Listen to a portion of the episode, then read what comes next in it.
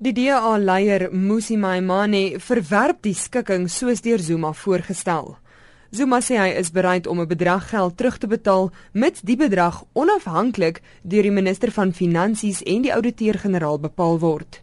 Maimane voer aan dit strook nie met die aanbevelings van die openbare beskermer nie en dat die party dit daarom verwerp. Specifically, the DA will argue that the President Zuma's failure to engage rationally with the public protector's findings and remedial actions pertaining to him were manifestly irrational, illegal, and unconstitutional. We furthermore contend that the President's decision to substitute the remedial actions ordered by the public protector with a determination by the police minister, the SIU, or Parliament, or whether he was liable for any of these costs was illegal and unconstitutional. Certainty about the powers of the public protector and the force and the effect of remedial action taken by the public protector are vital for the successful functioning of our constitutional democracy.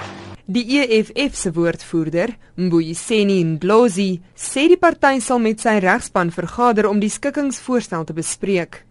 Die EFF se aansoek oor die Nkandla saga met die versoek dat die OB se aanbevelings van krag moet wees en Zuma moet betaal, is vir Dinsdag op die hofrol van die konstitusionele hof geplaas. It's important for South Africans to keep in mind that uh, President Zuma did not have a Pauline Damascus experience where he had a change of heart in relation to the importance of the public protector, her remedial action because he has always said that he won't pay back any money. So what he is saying is that he's proposing an out-of-court settlement. And therefore the matter is in with our lawyers. They are considering it and we shall advise South Africa and the rest of the international community on the way forward.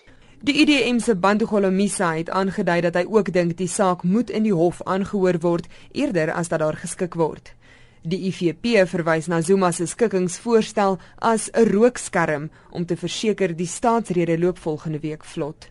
Ek is Henry Wondergem vir SABC nuus.